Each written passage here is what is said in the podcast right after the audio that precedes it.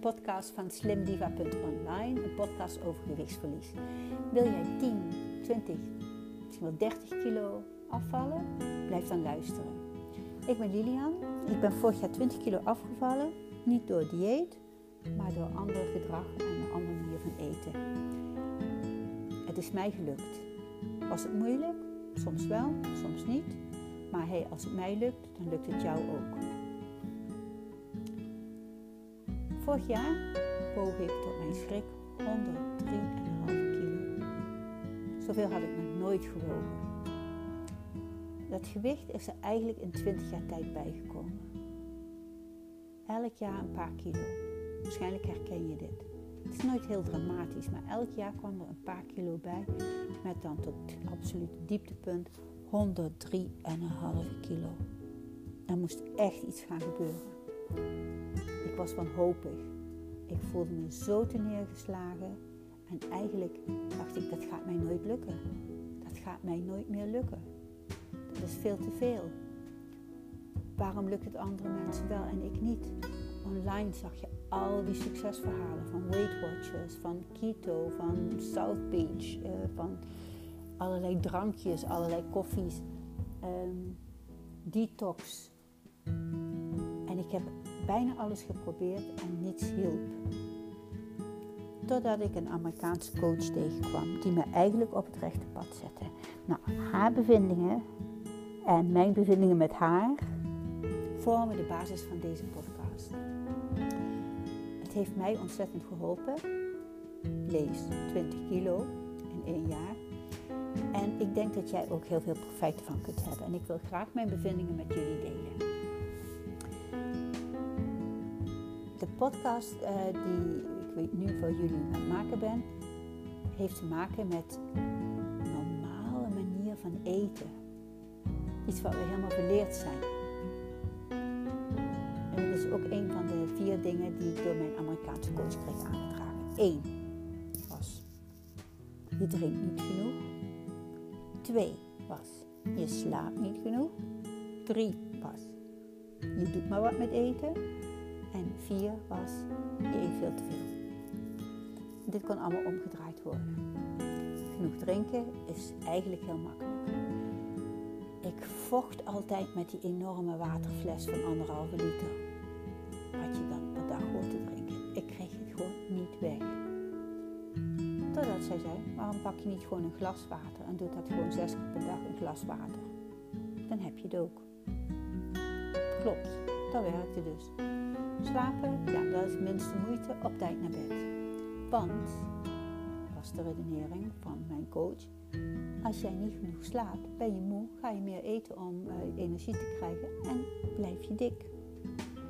Oké, dit was ook een gratis uh, uh, vetverbrander in haar ogen. Nummer drie was plannen. Nou, dan, dat is iets waar ik eigenlijk een gruwelijke hekel aan had. Want ik wilde eten wat ik wilde. En eigenlijk was het ook de bedoeling, ook van mijn coach, die zei: Jij moet opschrijven wat je wil gaan eten. En dan niet eten wat je zou moeten eten, nee, eten wat je echt wil eten. Mijn redenering was: Ja, maar wat als ik niet weet wat ik s'avonds wil eten? En dan schrijf je gewoon twee of drie verschillende maaltijden op en je kiest er s'avonds één van als je gaat koken. Viel ook eigenlijk weinig tegen in te brengen. Over eten, te veel eten, hmm, dat was nog eigenlijk de moeilijkste. Wanneer eet je te veel? We zijn een beetje onze grenzen kwijtgeraakt van wat een normale maaltijd is. En er zijn ook maaltijden bijgekomen die jouw oma bijvoorbeeld helemaal niet zou herkennen. De, de tussendoortjes, de tussendoorreepjes, de tussendoor maaltijden. Um, s ochtends ontbijt, dan een tussendoortje, dan een lunch, dan een tussendoortje, dan een diner en dan s'avonds nog een snackje. En dat is een voedingspatroon wat eigenlijk in stand wordt gehouden door de voedingsindustrie. Die hebben daar het meeste baat bij. Maar heb je die nodig? Nee. Eten als je honger hebt is eigenlijk een heel logische manier van eten. Je hoeft geen tabellen bij te houden met hoeveel je binnenkrijgt. Je eet en als je genoeg hebt, hou je op met eten. Mij was dit nog het moeilijkste om vast te stellen wanneer ik nou genoeg had met eten. En gelukkig uh, zijn daar ook allerlei manieren voor om dat te bekijken. Van uh, kleinere borden tot kommetjes die met het maaginhoud uh, ongeveer benaderen. Er zijn allerlei tips voor. Dus al met al, deze vier dingen hebben geholpen om 20 kilo te verliezen. En ik moet nog 10 kilo, dus dat gaat lukken.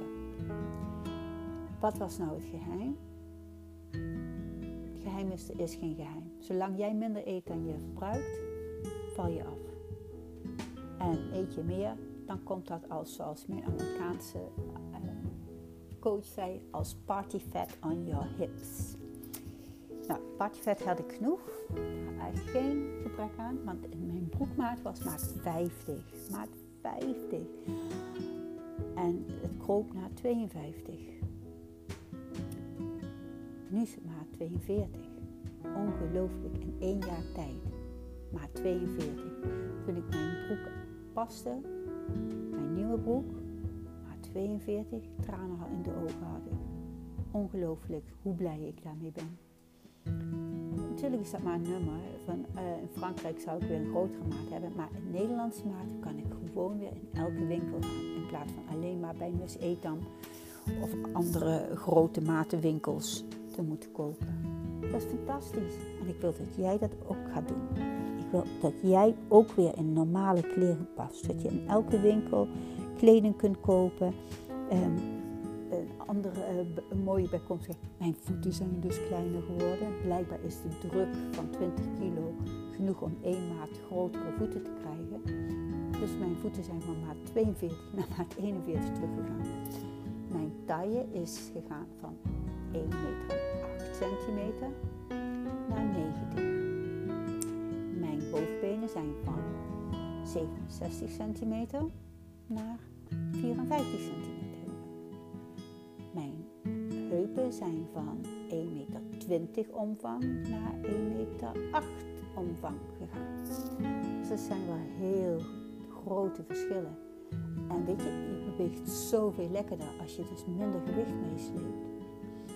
En het fijne van dit alles is dat ik eet wat ik wil eten en tot ik genoeg heb. Soms overeet ik. Um, eigenlijk overeet ik wel vijf keer per week.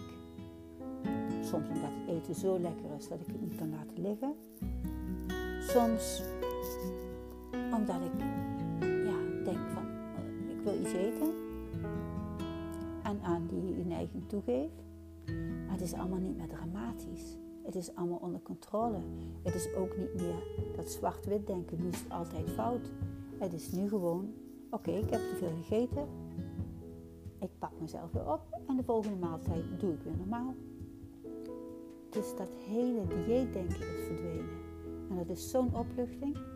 De volgende podcast gaan we het daarover hebben.